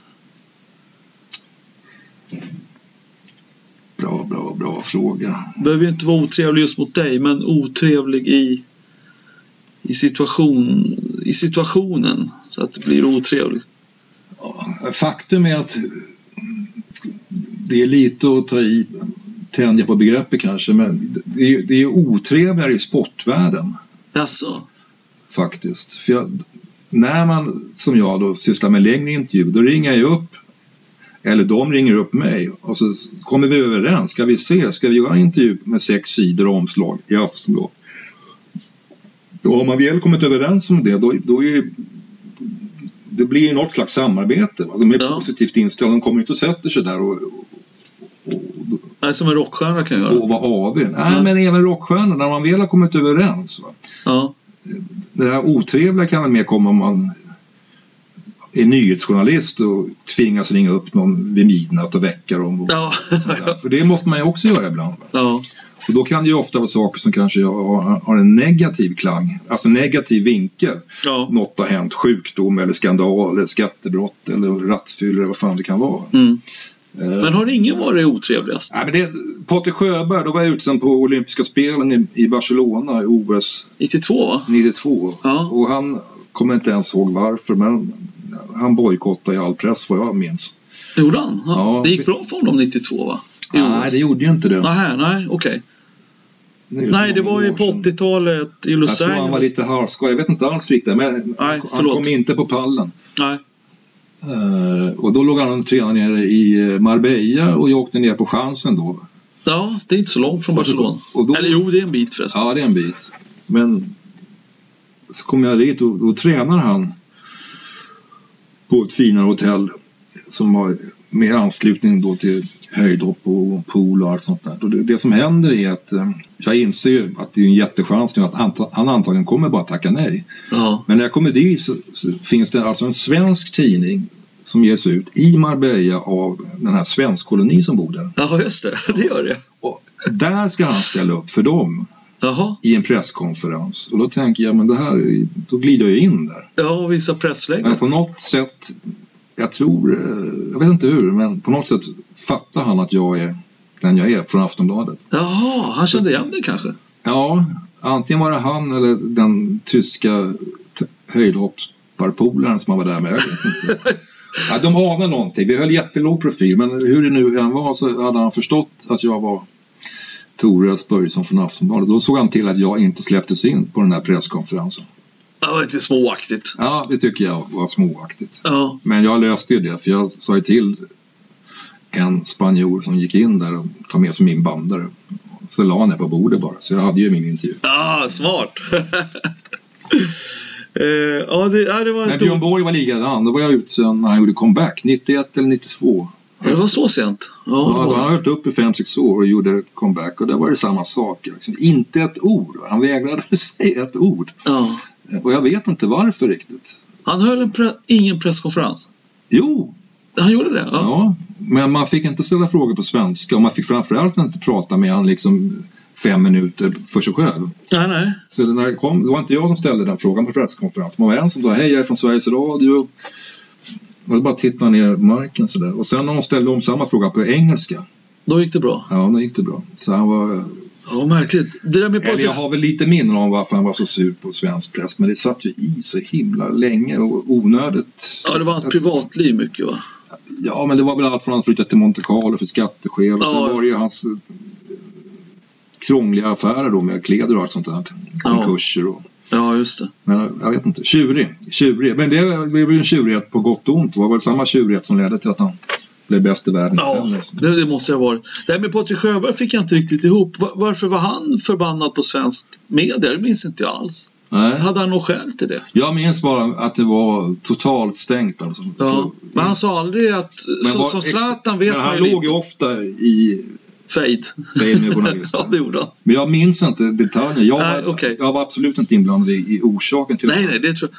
Nej, jag bara släpper. Jag Men kommer det, inte det ihåg. var så. Det, det vet jag. Han har legat i fade med, med många Patrik. Zlatan har väl också varit lite så, men det är efter min tid. Då hade jag börjat skriva musik. Ja. Eh, din, din absolut, som du tycker då subjektivt blir det ju naturligtvis, men din absolut bästa intervju du har gjort? Oj, oj, oj. Nej, det kan jag inte svara på. Det är så många bottnar i det. Den du är mest stolt Dels har man över ju då? själva intervjun och sen har man ju då hur man skriver. Ja, precis. Hur du har skrivit den och Hur man skriver, ja precis. hur stolt du är efteråt. Att du känner att det här... Nej, men jag är jättelycklig över att vara journalist och allt det där. Men för, utan att vara, sitta på höga hästar. När man väl kommer in i det, så, så, hur konstigt det än är, så blir det vardag. Ja. Man går ju inte därifrån och... Nu har jag träffat Mick Jagger, jag är så himla stolt. eh, Och sådär. Nej, det är ett jobb som ska göras. Ja, det är ett jobb som ska göras som är fantastiskt roligt men, men eh, det är dock, dock ett jobb. Och det blir, man blir van vid det. Ja, jag förstår. Men var 17, Eb- nu kommer jag på kan jag nämna, Ebba Grön. Ebba Grön har du intervjuat. Jag, Det visste jag inte ens. Fan jag vad... skrev en bok med Ebba Grön. Eh, alltså om man köper deras fyra CD-box som bara heter Boxen. Eh, då får man också med en bok på 90 sidor. Ja, det gjorde du ja. Den har jag faktiskt läst. Marcus Birro var involverad också. Nej, Nej, det var Imperiet-boxen. ja. Ja. Och det, det börjar ju då med att de Den fyller, skrev du ja, fan. de fyller 20 år. Och då kom jag på det att nu- nu borde vi verkligen uppmärksamma det. Och då fick jag ju då Jag har sett att du är vän med Fjodor. Ja, det, det bottnar därifrån. Det kommer därifrån. Tre, alltså jag fick en vanlig jättelång intervju kanske var 10 000 tangenttryck. Ja. Ja, Jag fick jag väl 30 000. Alltså, Jag fick en, verkligen skriva loss om Ebba Grön och då intervjuade jag hela gänget. Va? Samtidigt eller var för sig? Det här var för sig. Var för sig? Thåström också? I första vändan var det nog bara Fjodor och Gurra. Jag Ja. tror... eh, Nej, Thåström var nog med lite grann. Jag kommer inte ihåg. Men det ledde till att när de hade läst den och sen skulle släppa den här boxen Ja. Då blev jag det naturliga valet. Så det här jättereportaget då som blev jävligt bra, och det vet, ju- tycker ju Ebba killarna också. Vilken tidning kom den? Själva intervjun? Aftonbladet Puls. Puls gav ut en Ebba-intervju. Sen- Vad häftigt, den missade jag. Ja, det var både intervju och- men reportage. Alltså, det var hela, hela deras eh, historien. Alltså. Ja, Ja. Fast med då hela tiden mm, kommentarer från ja jag måste ha läst den såklart. Och sen så ledde det till att jag fick skriva boken om dem. Ja. Eh, Så den är, ja, ja, men det är jag du fick ett nöjd väldigt genomslag så den är jag glad över. Ja. Eh, då kanske vi inte ska ta s- frågan om din mest katastrofala intervju. Där allting går åt helvete helt enkelt. Det kan vara tekniken eller... eh, Ja, Rätt. men jag har räddat det. Det, det som händer, har hänt några få gånger som är, med döden, det är när man sitter med, med en till exempel rockstjärna och sen kanske batteriet på bandan har gått, fast det har man inte märkt under, under samtalet. Nej, nej. Eller så har då, jag har- jag hade en sån här digital bandare, har jag fortfarande. Den har ett visst lagringsutrymme. Och när det är fullt, ja, då slutar den spela in. Ja. Så jag gjorde en eh, lång intervju med Brett Anderson, sångaren i Suede. ja. Och sen hade jag en minut av den var jag på band. Nej, fy fan vad surt. alltså. Ja. Hur, hur, vad sa du till Nej, det är tidningen väl- då? då? Nej, men jag skrev det då på minnet alltså. Ja, ja, just det. Ja. Och det var ju, hade varit svårare att göra om det varit en svensk artist för då hade de verkligen kunnat kolla. Men, men alltså, jag, man minns ju alltid jättebra vad, vad man har pratat om. Ja, ja. Men det blir, ju- vart ju lite mer eh, fria citat så att Mm. säga. Det är ingen röd batterilampa som lyser då? Ja, men ibland glömmer jag bort det. Men sen har jag lärt mig det. Nu sitter, när jag sitter och intervjuar någon så tittar jag på min bandare lika ofta som på den jag intervjuar. Ja, jag och förstår. så ser jag till att jag har tömt så att jag har ledigt utrymme. Ja, ja. Men eh, det, det har hänt någon gång. Men sen... eh, Jag har nämnt henne förut när jag blev intervjuad. Men ibland så får man ju... Så, ja, rent subjektivt kan jag uppleva att den här människan jag sitter och intervjuar är tråkig. Jag, det händer ingenting. Inga svar Nej. är spännande. Vi- Då passar jag på att fråga, vilken är tråkigaste? Ja, men det är ju i- Sanna Nilsson. Jaha, okej. Ja. Eh, Hon Men det är kan alltså ju vara- programledare för Allsång på Skansen två, tre år. plus att hon har vunnit schlagerfestivalen. Det har hon gjort, ja. Eh, Ja, Mm, En bra jag- sångerska, får vi säga. För att re- s- säga något ja, fint nej, om jag, jag flickan. menar inget, det- jag har inget ont att säga om henne eller Nej. någonting. Jag säger bara att det, jag, jag gick därifrån och tänkte att Vad ska jag äta till middag? hur, hur ska jag kunna få ihop det här till en text som någon vill läsa? Alltså, ja. Men, men den hamnade i tidningen och blev omslag och allting. Så att, ja. men eh, Okej. ja, jag, var, jag var inte nöjd. Men man, man, får, Nej. vara- man får vara självkritisk. Det kanske var mitt fel att inte jag fick igång henne. Men hon var väldigt... Hon höll alla kort hårt tryckta mot bröstet. Det var liksom, det, Nej. Det var ingenting som var spännande där. Och jag tror Har- inte, hon var inte intresserad av... Hon var intresserad av- av den reklam hon fick genom att synas i Aftonbladet. Ja, Eh, Men hon var inte intresserad av att att liksom berätta om sitt liv. jag förstår. Har du intervjuat Lena PH någon gång? Ja, därmed, det har funkat bra. Henne gillar jag. Ja, för jag trodde hon var lagd åt samma håll att eh, jag tänker inte berätta någonting egentligen. Nej, men där, henne, förhoppningsvis jag är rätt bra som intervjuare och lyckas hitta in så man får en samtals... Ja, Att det inte blir det här, eh, vän och fiende utan, ja. utan sitta som vi gör och babbla. Men hon var trevlig Lena. Ja, absolut. Jag träffade henne två, tre gånger. Och det var en helt annan sak. Det, det som slog... Trevlig och humor och lite vass och ja, jag tyckte det var hon absolut. Ja, Även Carola, för att nämna en annan sån där jätterolig intervju. hon var rolig. Ja, Ja. Frispråkig. ja tycker jag absolut. Men Ja, hon är lite rolig för hon är, har ju helt olika tonfall då beroende på vilken skiva hon har. Släpper hon en kristen skiva då, då är hon mera kristen och släpper hon en ny popskiva där hon sitter på, en, på omslag med motorcykel och ledarkläder. Ja. Hon är pop. Nej men hon är väl rätt frispråkig. Jag tyckte hon, ja. Okej, eh, kul. Det här med Lena PH var kul förresten. Jag, jag har hört eh, några... Med Lena PH så hade jag aldrig hört henne prata. Det tycker jag är så här fascinerande. Man ser en artist, man har aldrig hört henne prata. Så jag kollade in två långa intervjuer med henne. Värvet tror jag var den ena. ja. Och så var det en annan podd. Tänkte nu ska jag fan höra på Lena PH här. Och det som slog mig det var att hon var ju jävligt rolig. ja. Det, det hade jag inte Ja, alls väntat mig. Och skitbra eh, musiksmak. Hon kom med massa Prince-plattor som hon älskade. Och jag bara... Imponerande. Ja, vi pratar inte om musik eh, på det sättet, mer än hennes egen musik. Men, men eh, som sagt, ja, det var ju samma upp. Hon var jätterolig och- mot mig och vass och kunde eh, skicka iväg en skön känga till sin exmake Måns Herngren. Herngren. I tidningen? Ja, ja, Jaha, det var fan. fast med glimten i ögat. Men, men, eh, Ja, så att det är min upplevelse eh, när jag träffade henne är exakt den som du fick när du l- lyssnade då, på de här intervjuerna. ja. En skön tjej. Tore, vi har kommit fram till de två sista avsnitten här som alla gäster får. Eh, poddlyssnarna som hänger med i podden, de vet vad som väntar. Eh, Tore, dina tre absolut bästa favoritskivor all time. Ja, men som sagt, jag är ju stor, stor Rolling Stones-fanatiker. Eh, med all rätt. De, de är ju världens bästa, genom tiderna, i särklass bästa rockband. Men det- Ja. så jag väljer då eh, Jag säger inte emot. Exile on Main Street. Dubbel-LP från 72. Och jag väljer eh, Sticky Fingers. Album, albumet från 71 som föregick Exile on Main Street. Och, Just det. och sen kan jag ju fortsätta. Det är många som- Stones-plattor som slåss om buret. Men jag, jag, just idag väljer jag Let It Bleed från 69. För där, den plattan öppnar med vad jag anser är världens genom tiderna bästa låt av järn, världens genom tiderna bästa band. Låten är Gimme Shelter. Den är fin. Den är fin ja. Så att, ja, det får bli det. De tre Stones-plattorna. Mm. Och jag skulle kunna nämna några till som är där uppe.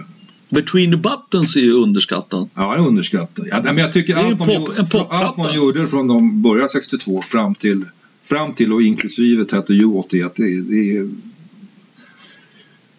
det är någon som kanske sjunker lite grann men i princip är allting kanonbra. Ja. Men, så jag, men Jag, jag tycker det är lite synd att eh, Between the Buttons ko- är så...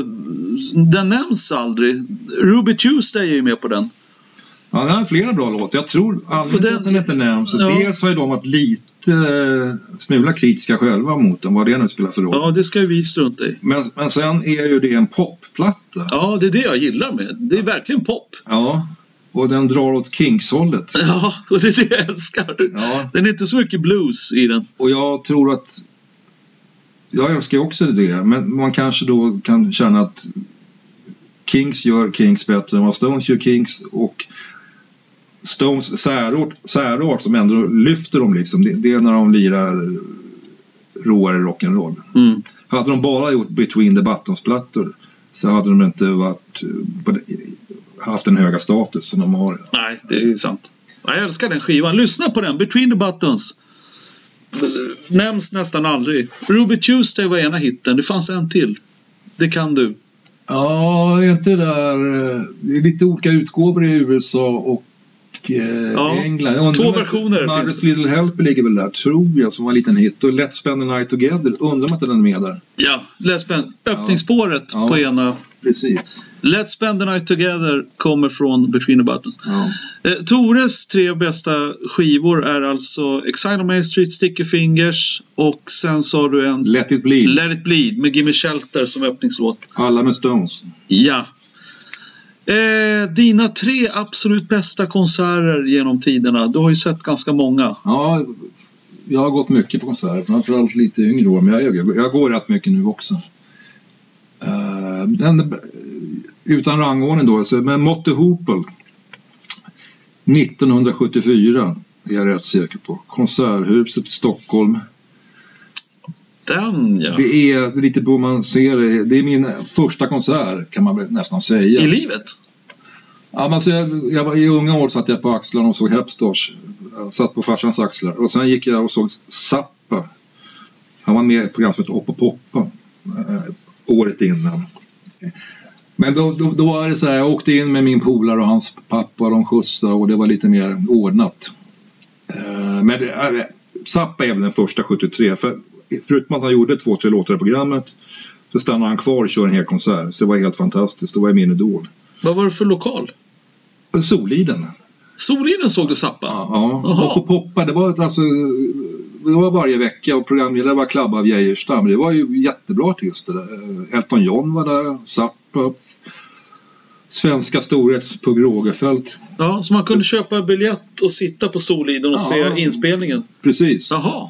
Principen är väl exakt som Allsång på Skansen, bara att det var mycket bättre att Ja. poppa för att det var rock'n'roll. Var det dyra biljetter? Nej, det var ju typ gratis. Som jag minns det. Nej, det var inga pengar Nej. alls. utan Det var ju bara Så det blir en för... Zappa på Soliden? Det är ju jävligt tungt. Nej, men det, ja, det är min första. Ja. Men eh, den tar jag väl inte med ändå. Utan den, den ska jag, bland de, mina tre bästa konserter, då är, det- då är det Motte Hooper 74 som jag Konserthus. såg året efter. Ja. Deras sista turné. För sen slutade de och jag blev helt deprimerad. För det var, så- hade varit så himla bra och då på denna turné hade de Mick Ronson Jag skulle just fråga det. Han Ja. åkte ju med ända in i Ja, han var kaklet. medlem då. då. Eh, Men sen så... Ja, den här svängen som jag tror var i Sverige och kanske Skandinavien då. då. Sen gick, ju- fick ju han nervöst sammanbrott. Eller han var utarbetad i en hand och hoppade, hoppade av allting. Mhm. Så jag fick aldrig ihop det där då.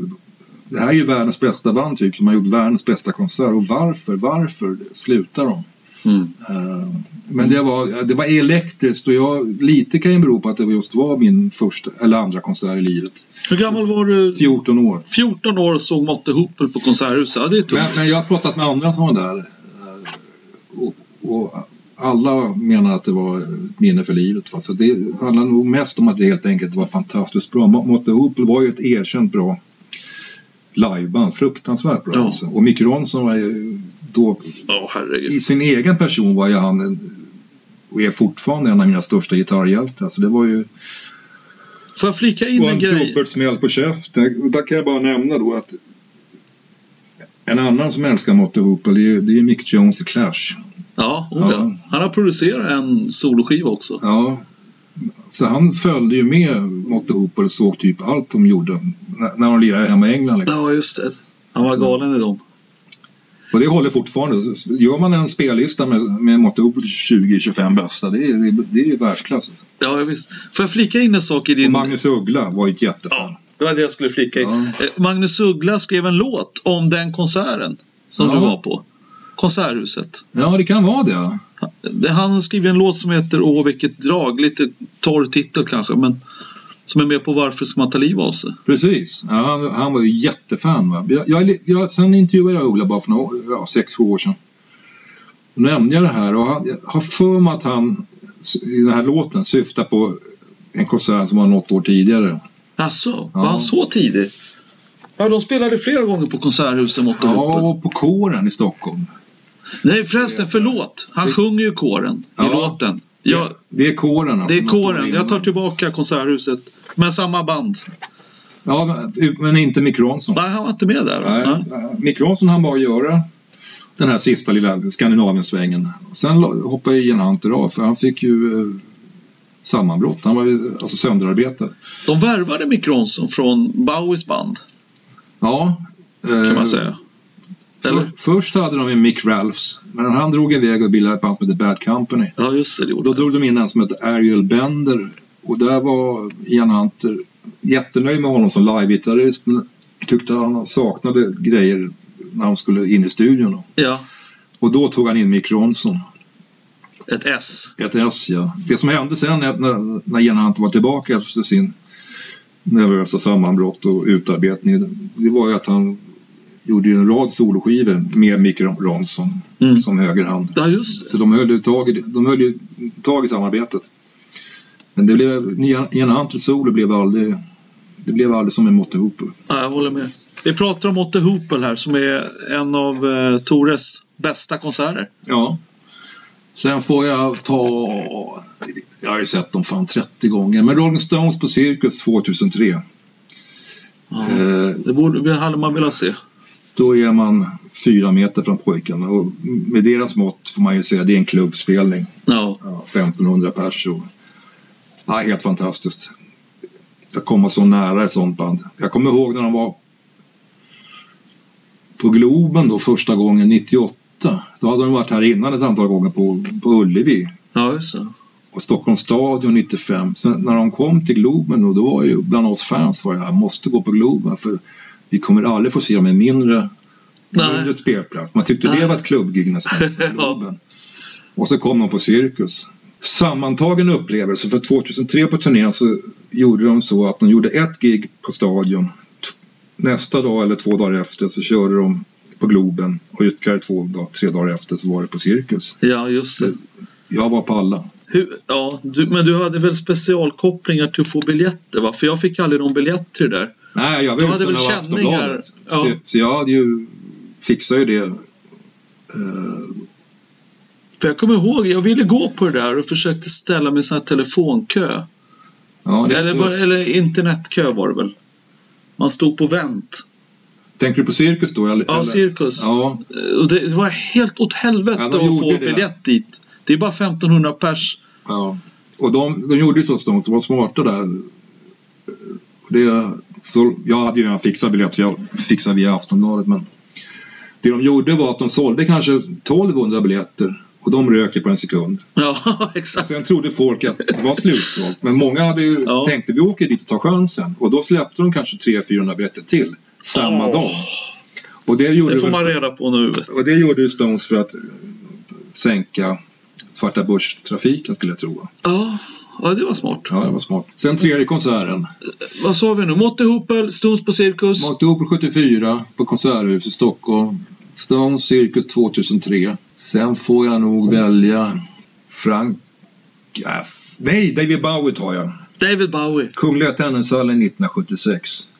Då var inte du gammal. Då var jag 16 år. Åh, Jäklar, det är också en legendarisk konsert vad jag har förstått. Ja, jag spelade två dagar i rad. Jag hade, jag, alltså, då var jag, alltså, så- det var de här idolåren som man växte ifrån sig. Men jag, jag hade ju tapetserat väggen med mycket Bowie, Stones, Zappa. Det var Louis. hans första Sverigebesök. första Sverigebesöket. Det var det som Och var jag sov stort. över på Konserthustrappan för de släppte biljetterna i en affär som hette Svala och Söderlund runt hörnet. Ja, jag vet. Så jag gjorde hela den här idolgrejen och sov över där. Rätt tidigt, det var inte vinter men det var... Jag har för mig att det var tidig april och sådär liksom. Ja. Och fick loss tio biljetter till. Hade han Spiders från Mars med då? Nej, det var Station to Station-turnén, The Thin White Duke. Så då hade han... Ja, 76 sa du ja. Ja. Ja, då hade han ju spräckt Ziggy Stardust-grejen. Alltså, plattan han turnerade bakom, den som var närmast, han hade släppt nyligen, det var Station to Station. Det var- Ja. Och det var första, först kommer han in och och visar, eller han kommer inte in men de släcker ner och så visar de Louis Buñuels på Salvador Dalis eh, berömda kortfilm Den andalusiska hunden. Och sen när den är klar då kommer David Bowie in eh, som The Thin White Duke och då lirar de station to station. Den tuggar igång långsamt Ja. med tåg sådär. Ja, precis. Sen tände han en cigarett och "Ah", alla bara skrek. Ja. Nej, fantastiskt. Det, det, var- det är den perioden. Man säger eh, Hunky Dory fram till Station to Station. Det är där det, då kom, det är en fem, sex plattor Mm.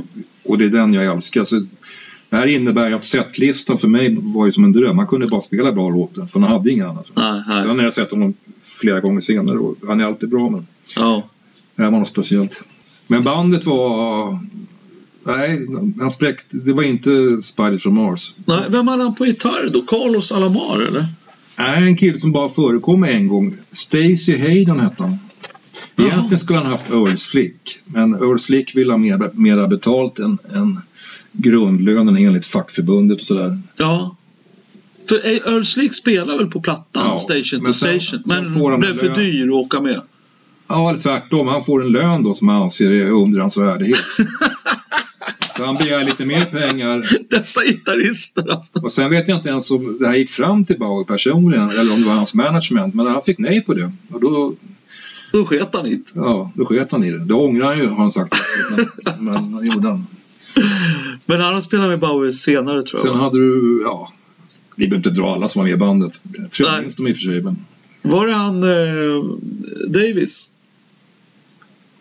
ja, eh, De- Dennis Davis va? Ja, Är det trummor eller bas? eh, trumma. Ja, och sen någon, Svart kille, Ja, och- otroligt Och svängig. även svart basist. De var med sen även på Young Americans och Be- Berlinplattorna. Det står still nu. va? Dennis Davis och Eh, Murray, ba- bas. ja, Mario på bas. George Mario tror jag Ja, på bas. han la av med musiken sen. Sen- Ah, Skitskumt. Sen var det Carlos Alomar på eh, rhythm guitar. Och en som hette Tony Kay på keyboard som hade tidigare i Yes av alla band. Jaha, var han med? Och eh, ja, det var de. Inga körtjejer? Nej, det var nog inte det. Nej. Jag är rätt säker. Ja. Nej, ingen kör. Ingen Nej, det, det är tungt alltså. Du, du har alltså sett David Bowie i en tennishall 1976. Ja. Och just den här åldern när, när, han, när jag var... ja, Han var gud liksom. Så det- Ja. Sen när man blir äldre, 25, 30, 35, 40. Då är det ändå människor som står där uppe. Ja. Musiker, artister, men, men människor. Men här, här var det verkligen...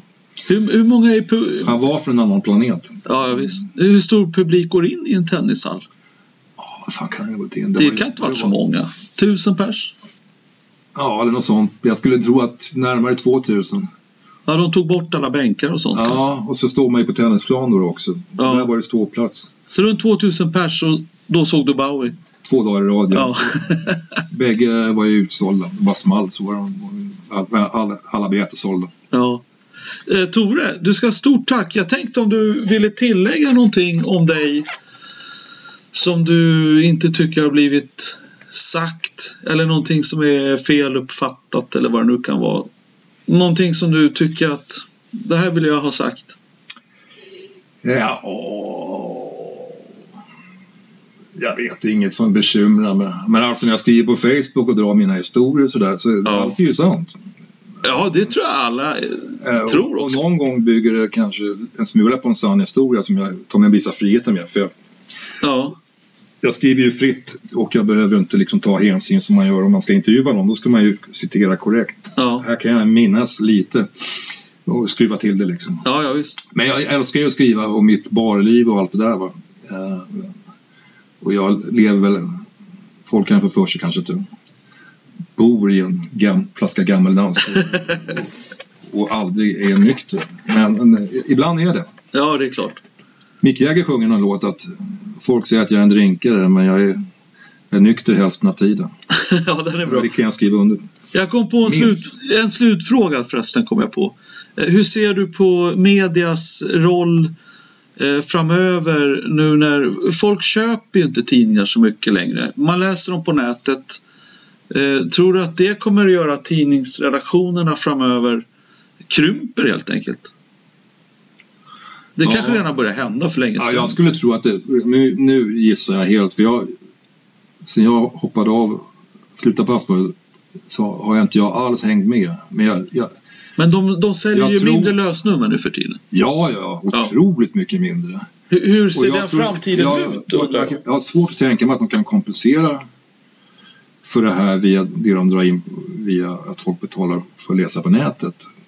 Ja, precis. Det, det, Det känns... har jag omöjligt. Sen vet jag inte heller vad, vilka re- reklamintäkter de har på nätet. Nej. eh, i förhållande till för, i papperstidningen. Men jag, Ja, ja. jag tar för givet att det är billigare. Det var dyrare att köpa en annonsplats i tidningen än vad det är på nätet skulle jag tro. Ja, det låter rimligt. Så att, eh, men eh, de tuffar ju på. Jag, jag tror Aftonbladet går med vinst fortfarande. Så att på något sätt får de ju in pengar. Men jag tror Ja. att det bygger ju också på att de slimmar redaktionerna och- Ja, ja. och så. Vet du när jag köpte en tidning senast? Nej, det vet jag inte. 2009. Ja, jag köpte den senaste. Jag, sen jag slutade på Aftonbladet eh, årsskiftet då, eh, januari 2012 gick jag ut som frilans. Sen dess har jag köpt tidningen två gånger och det- bägge är för att jag, de har skrivit om mina böcker. Ja, okej. Två, två nummer sedan 2012. Ja, du är nästan som jag då. Vi fick ju startsidan här på Sportbolagen när det gällde Ronny Hellström-biografin. Ja, Och sen var det ytterligare någon gång Dregen. Där var det jättemycket intervjuer kring den biografin. ja just det. Det kommer Men jag ihåg. annars har inte jag köpt den heller. Sen sen är det ju så för mig. Jag, jag läser ju nästan hellre brittiska tidningar som The Guardian. Ja, Eh, där är allt gratis. ja, Det ja. handlar inte bara, om- men det är ju bra kvalitet på journalistiken och eh, de är ju lika bra som Expressen, Aftonbladet, DN och Svenskan. ja, ja, ja. Så fort det gäller saker som har internationell betydelse. ja, ja. Och eh, The Guardian. Ja, Och så är det ju en bra övning. Man håller, håller liv i sin egen engelska. Va? ja just Så det. även om det kostar bara nu, vad det nu är, 20 spänn i månaden och läsa lite extra på Aftonbladet så tycker jag, jag ser inte poängen med det. liksom. Nej, nej, nej. nej inte jag heller. Men Jag borde göra det av solidaritet med min gamla tidning. Men, men det finns ingen anledning för mig att läsa till exempel en svensk musikskribent när jag kan läsa lika bra 50, 100, 150, 200, 1000 Ja, i engelska nej, eh. nej, rekommendationer. nej, det är klart. Vil- Vilken är världens bästa musiktidning? Idag, 2018. Oj! Ja, där jag slog jag ihop också. Jag var ju hängiven då och läste Mojo och Uncut. Mojo Uncut, ja. Mycket bra magasin. Ja, då- Från England. De läste jag ju då, de fick jag ju gratis när jag var på bladet för jag använde informationen till mina egna grejer. Ja, Jag har slutat med det, för jag börjar kunna det. De skriver, de skriver så väldigt, de skriver om, jag vet inte hur många omslag de har gjort om Stones och Dylan och Beatles, men det är ofta ja jo, det är sant. Precis. Led Zeppelin ibland också. Led Zeppelin och i princip är det artister som är döda som de skriver om. Ja. Så jag vet inte. Men den var bra, tycker du? Mojo Ja, Uncut. men det var ju, när de tar i alltså gör riktiga långa reportage om någon husgud som Leonard Cohen och sådär, då, då, då är det ju bra. Mm, mm, mm. Absolut. Saknar du en svensk eh, musiktidning? Ja, vi har ju Sonic. Jag tycker inte den riktigt... Den finns ja. Den, och Gaffa, en fanns i alla fall. Jag har gratistidning. ingen koll på Sonic. Men det- det fanns ju under många år. Och har de lagt ner Sonic? Nej, det tror jag inte. Nej. Men jag kan inte svära på det. Det var länge sedan jag läste den nu.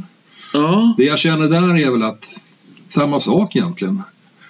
Såvida man inte vill läsa specifikt om svensk musik eh, så läser jag ju hellre om engelska och amerikanska artister i engelsk och amerikansk press. Jag, jag ser Ja. inget egenvärde i att att läsa liksom en svensk musiktidning på det sättet. Nej. Nej, den, Så känner jag också att den har det varit här- bra. det går- kan jag tänka mig att många skriver i princip ideellt. Alltså. Det märks på recensioner och sånt att det är hjärta och smärta och och de vill men det kanske är mera vilja än kunnande ibland kanske. Jaha. Sen hade, så- vad- det finns ju en gratistidning, Gaffa. Ja, den läser jag sporadiskt. Ja, men det man gör nu så här, om det händer någonting i musikvärlden. eh, Det första jag gör är väl att gå till exempel till The Guardian som jag gillar, en brittisk dagstidning. Och sen, Ja. sen så kanske jag går till Pitchfork, musiksidan. Sen har du allmusicguide.com. Och sen kan du rent allmänt googla med några välvalda sökord så får du det upp liksom så du kan ligga och läsa i tio timmar. ja, det är sant. Eh, Så, så det är, jag, jag har ingen liksom... Men The Guardian brukar jag vända mig till och Pitchfork. Ja, Så det kan jag väl rekommendera. ja. Okej Tore, stort tack för att du har deltagit i podcasten. Stort tack för att jag fick vara med. Ja, vi kanske ses på Östgötakällan någon gång. Det är väl inte, säkert. inte omöjligt. Ja. Ja, jag är i alla fall där. jag är där ibland. Ja. Okej, tack så mycket. Tack, tack. Hej. Hej.